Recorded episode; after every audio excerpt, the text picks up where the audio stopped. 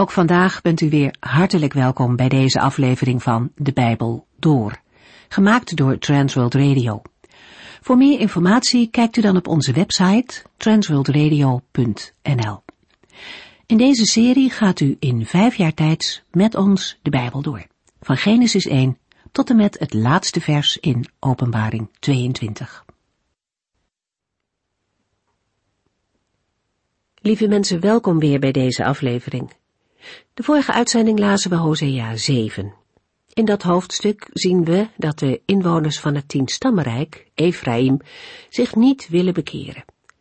De profeet Hosea gebruikt verschillende beelden om die onbekeerlijkheid van Israël te laten zien. Hij noemt het voorbeeld van een bakkersoven, een halfgare cake, een onnozele duif en een kromme boog die altijd het doel mist. De bakkersoven verwijst naar de instabiele politieke situatie in het tienstammenrijk.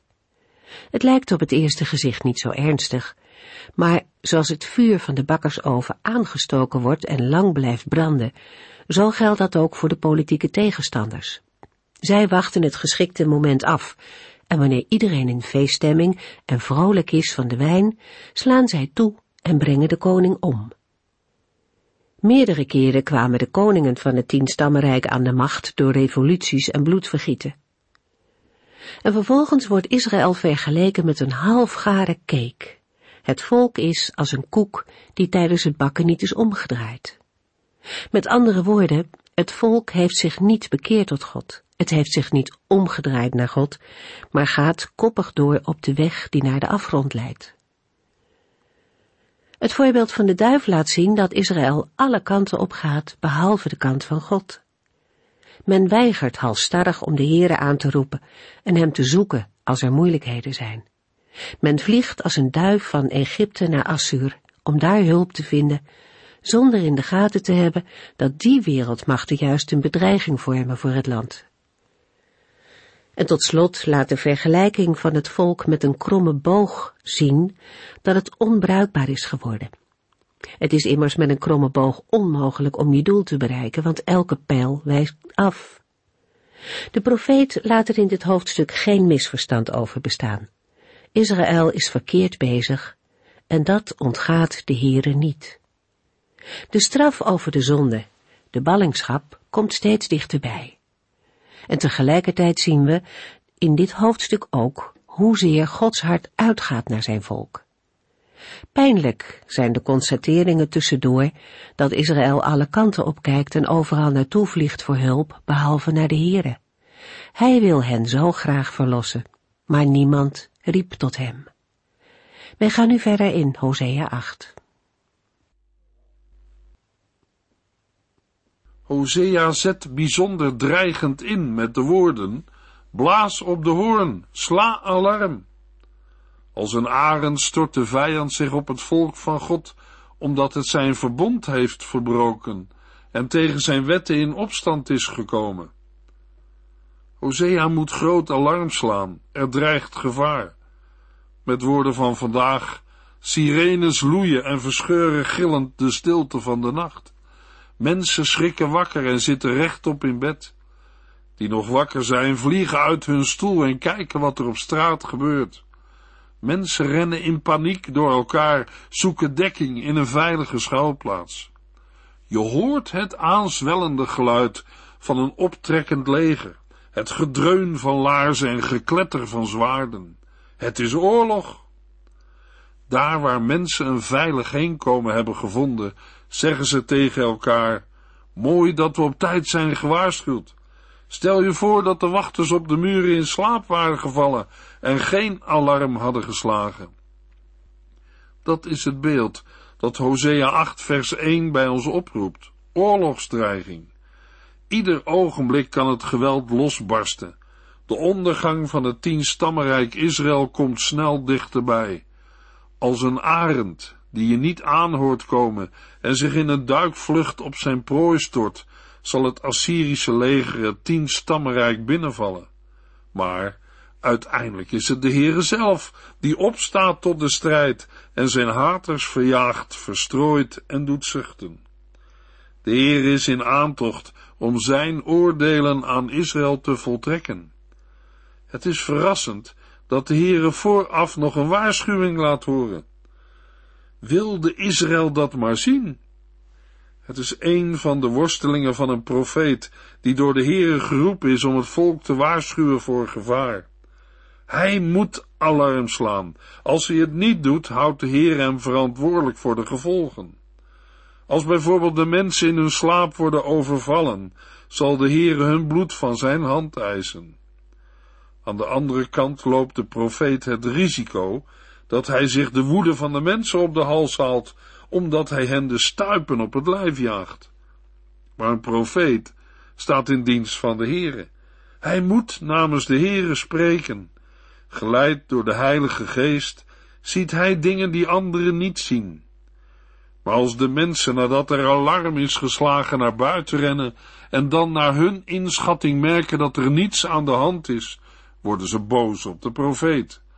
Ze zien de dreigende arend niet aankomen en zeggen tegen elkaar: vrede, vrede en geen gevaar. Ga maar weer slapen, mensen. Het was loos alarm. Ze geloven de oordeelsaankondiging niet en slaan de waarschuwing in de wind. De mensen worden boos als er opnieuw alarm wordt geslagen. Ze roepen tegen de profeet dat hij moet ophouden met dat sombere gedoe. Ze willen rust, blijde gezichten en slaap. Hoe kom je erbij dat de Heere naar ons toekomt om te oordelen? Wij zijn toch het volk van zijn verbond?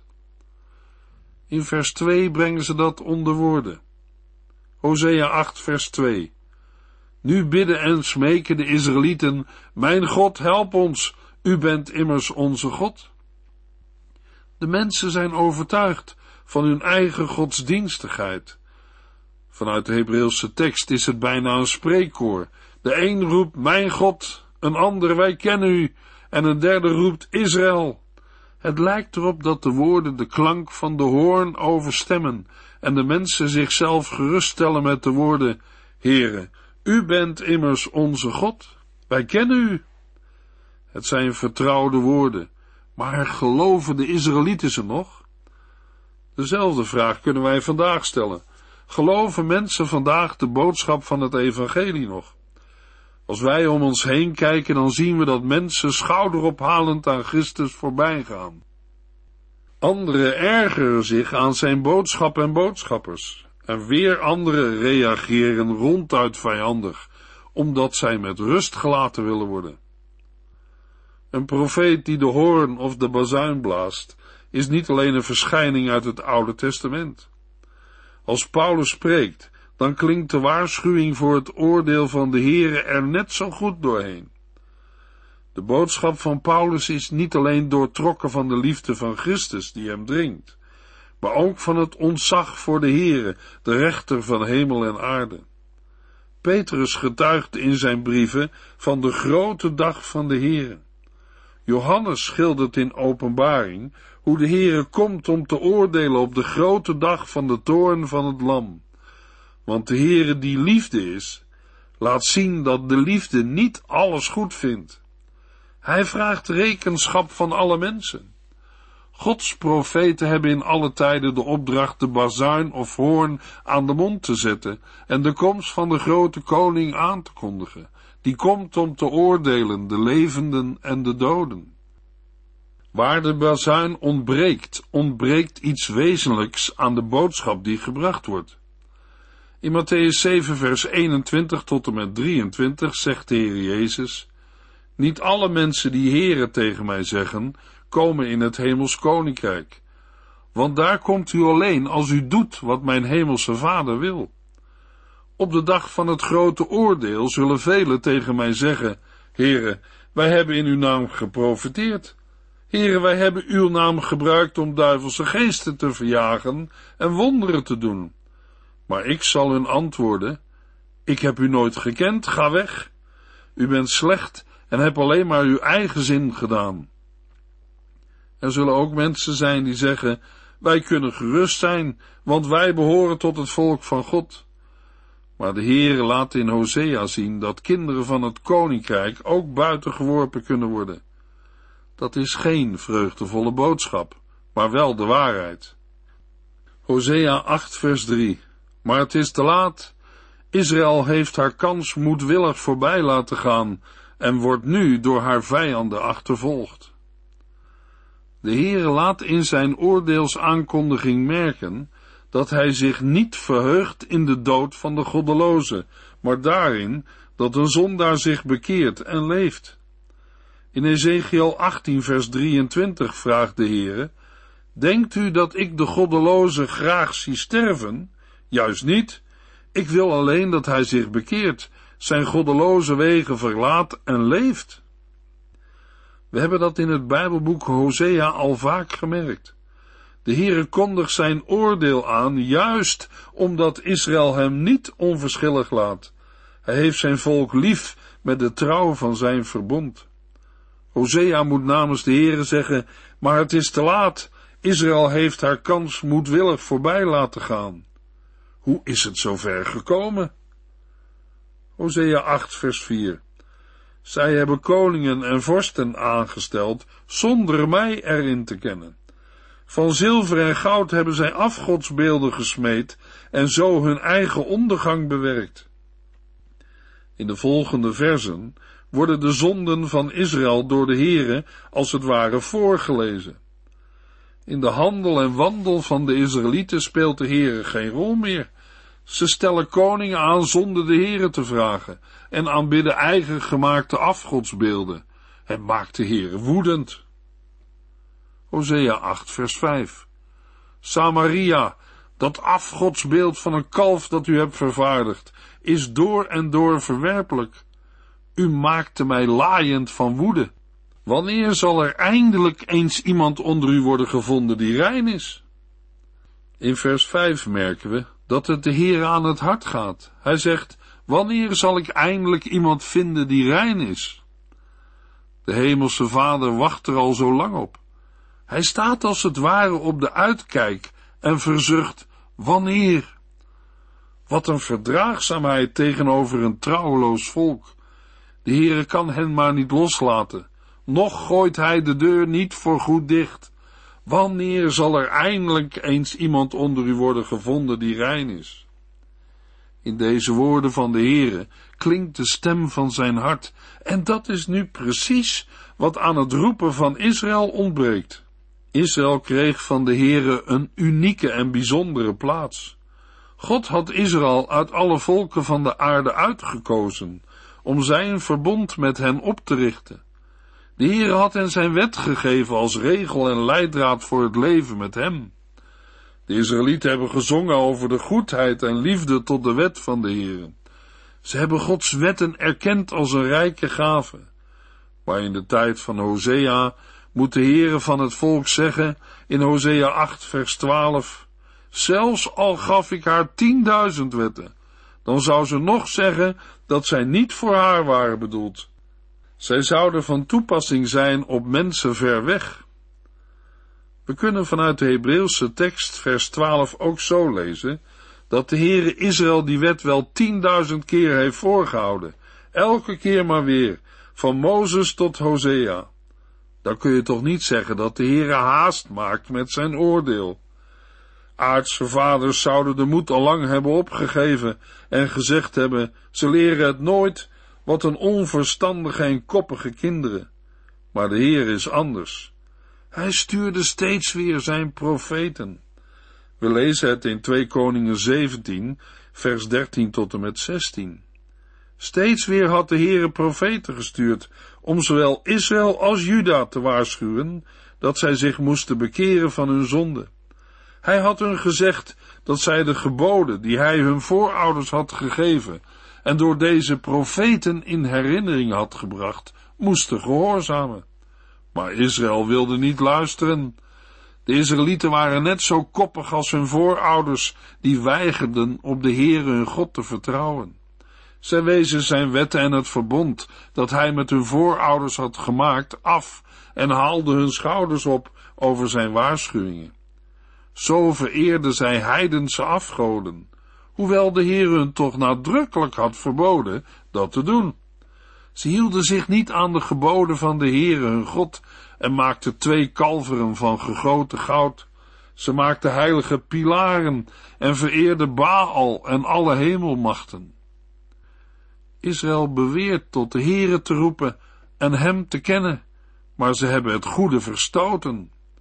In Hosea 8 vers 3 hebben we het gelezen, Israël heeft haar kans moedwillig voorbij laten gaan en wordt nu door haar vijanden achtervolgd. En de Heere vraagt in vers 5, wanneer zal er eindelijk eens iemand onder u worden gevonden die rein is?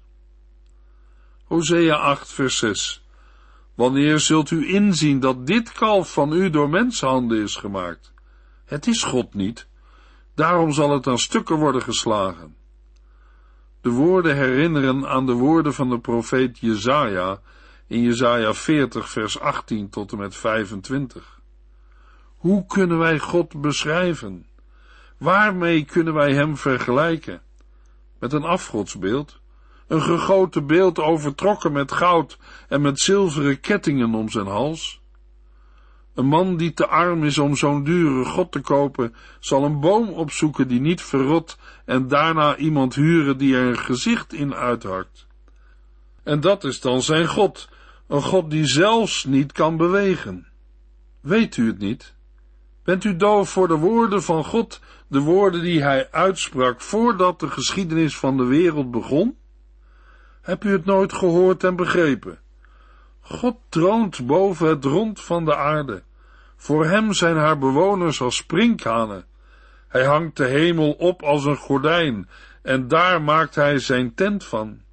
Hij veroordeelt de machtigen van de aarde en maakt hen tot nietige wezens. Nauwelijks zijn zij geplant en schieten zij wortel in de aarde, of hij blaast hen omver. Zij verdorren, en de wind neemt hen mee alsof ze stro zijn. Met wie wilt u mij vergelijken? Wie is aan mij gelijk? vraagt de heilige. Deze God is toch niet te vergelijken met een kalf dat door mensenhanden is gemaakt. De Heere slaat het in stukken. Hosea 8 vers 7 tot en met 10 Ze hebben wind gezaaid en zullen storm oogsten. Hun korenhalmen dragen geen aren en het gewas levert dus geen meel op. Als er al iets wordt geoogst, eten vreemdelingen het op. Israël is verwoest, zij ligt tussen de volken als een gebroken pot. Zij is als een eenzaam, rondzwervende wilde ezel. Ze heeft geen andere vrienden dan die zij heeft gehuurd. Assyrië is een van hen. Maar ook al huurt zij vrienden uit vele volken, ik zal haar in ballingschap sturen. Dan zal zij eindelijk een tijdje verlost zijn van de last van die mooie koning van haar. Deze verzen maken duidelijk dat Israël er niet vreemd van hoeft op te kijken dat donkere wolken zich samenpakken als een teken dat er zwaar weer op til is. Wie wind zaait, zal immers storm oosten. Je moet wel een hele dwaze boer zijn om wind op je akker te gaan zaaien. Stel dat je dat als mens al zou kunnen. Want wind staat in dit verband voor niets opleveren. Het is een komisch gezicht om een boer over zijn akker te zien gaan. Hij maakt wel een gebaar van zaaien, maar er komt geen zaad uit zijn handen, alleen wind. Maar van de wind kan een mens nu eenmaal niet leven. De resultaten zijn er dan ook naar. Buiten de Heere om is alles ijdel, zinloos en najagen van wind. Als de stormen opsteken en het kaf wegstuift, blijft er geen oogst over. De stormen die het volk zelf over zich heeft opgeroepen, blazen alles weg en ze staan met lege handen. In Hosea 8 somt de Heer een aantal zonden op die te vergelijken zijn met windzaaien. In vers 4 veroordeelt de Heer het koningschap in Israël. Het zijn koningen die het recht van de sterkste hanteren. Met list, moord en geweld zijn ze aan de regering gekomen maar ze zijn niet door de Heere gegeven. En met de vorsten, raadslieden, ministers is het precies hetzelfde. Als geloof in God niet iets is van je hart, als vertrouwen op God niet je leven doortrekt en beheerst, dan nemen andere zaken de eerste plaats van de Heer in.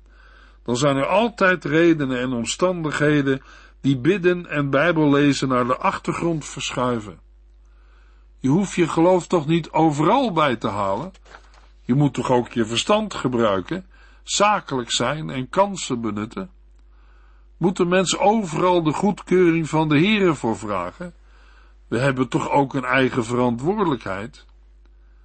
Deze gedachten en overwegingen zijn menselijk en ook te begrijpen, maar daarom nog niet goed. De Heere zegt van de Israëlieten, ze hebben koningen en vorsten aangesteld zonder mij erin te kennen. Hieruit kunnen we niets anders concluderen dan dat de Heere wil dat wij alles met hem delen. In Spreuken 3 vers 5 tot en met 7 wordt dat bevestigd met de woorden, Vertrouw met heel je hart op de Heere en verwacht het niet van je eigen verstand. Laat God delen in alles wat je doet, dan kan Hij je levensweg bepalen. Ga niet op je eigen oordeel af, maar koester ontzag voor de Heere en ga het verkeerde uit de weg. Als de Heere Israël haar overtredingen en zonden voorhoudt, dan komen ook de gouden kalveren en de afgoden weer aan de orde. Uit vers 7 wordt het de Israëlieten duidelijk dat het niet goed gaat. De genoemde koningen, die zichzelf opwerpen als heersers, kunnen de neergaande economische spiraal niet ombuigen. Ze beloven wel van alles, maar het gaat steeds verder bergafwaarts. En met hun zelfgemaakte goden schieten ze ook niets op. Er groeien wel korenhalmen, maar die dragen geen korenaren. En als er wel aren zijn, dan worden ze opgegeten door vreemdelingen. Zo was het in de tijd van Hosea in Israël. Maar hoe is het in onze tijd? Om maar één punt te noemen, wordt in onze wereld het voedsel wel eerlijk verdeeld? Als dat zo was, hoefde er niemand honger te lijden. De versen 9 en 10 maken duidelijk dat Israël niets heeft geleerd van de dingen die hun voorouders overkwamen. Nog steeds verwacht zij hulp en steun van anderen, maar niet van de Heere. We lazen in vers 9 en 10, ze heeft geen andere vrienden dan die zij heeft gehuurd. Assyrië is een van hen. Maar ook al huurt zij vrienden uit vele volken, ik zal haar in ballingschap sturen. Gods oordeel is onafwendbaar. Schrijnend lezen hoe Israël, de vrouw van God, zich als een prostituee gedraagt. Israël leurt met zichzelf langs de deur bij vreemden en biedt geschenken aan iedereen die haar wil hebben. Het helpt allemaal niet, want de Heere zegt, maar ook al huurt zij vrienden uit vele volken, ik zal haar in ballingschap sturen. Waarom? Omdat het volk weigert zich te bekeren. Hosea 8 vers 11. Israël heeft talrijke altaren gebouwd, maar niet om mij te aanbidden. Zij gebruikten die altaren om te zondigen. En wat heeft het hen gebracht? In vers 12 zegt de Heere, zelfs al gaf ik haar tienduizend wetten, dan zou zij nog zeggen dat zij niet voor haar waren bedoeld. Ze zouden van toepassing zijn op mensen ver weg. Israël staat innerlijk vreemd tegenover Gods wet. Zij begrijpen er niets van. Hosea 8 vers 13 Haar volk is dol op het offerritueel, maar mij zegt het niets. Ik zal hen ter verantwoording roepen voor hun zonden en hun straffen. Ik ga hen terugsturen naar Egypte. Het diepste probleem wordt verwoord in vers 14. Israël heeft grote paleizen gebouwd en Juda heeft talloze versterkte steden gesticht, maar ze hebben hun maker vergeten. Daarom zal ik hun paleizen en vestingen in vlammen laten opgaan. Als een mens, een volk, zijn maker vergeet, dan is de ellende niet te overzien. Wat een aanklacht als de Heere dit van zijn volk moet zeggen. Misschien moeten wij het onszelf ook afvragen of erover nadenken. Heb ik mijn maker vergeten? Als de Heere dat van ons moet zeggen, wat kan dan het vuur van zijn toren, de stormen van zijn oordeel nog tegenhouden? Hosea moet namens de Heere Israël aanzeggen, daarom zal ik hun paleizen en vestingen in vlammen laten opgaan. Paleizen en vestingen die in vlammen opgaan, zijn een beeld van een cultuur die ten onder gaat, van mensen die als gevangenen worden weggevoerd. Hosea 9 vers 1 tot en met 3 Israël, verheug u niet meer uitbundig, zoals de andere volken, want u bent uw God ontrouw geworden, en was altijd uit op hoerenloon op elke dorstvloer. Daarom zullen uw oogsten tegenvallen en uw druiven aan de wijnstok verdorren. U zult niet langer hier in dit land van de Heer mogen blijven, maar worden weggevoerd naar Egypte en Assyrië, en daar leven van voedsel dat volgens de wet van Mozes verboden is. Namens de Heere dreigt Hosea met de naderende deportatie van de bevolking van het tienstammenrijk. Israël is ontrouw geworden aan de Heere en heeft zich als een overspelige vrouw gedragen op elke dorsvloer. Een dorsvloer was een vlak stuk grond, vaak op de top van een heuvel, waar vrouwen het koren scheiden van het kaf.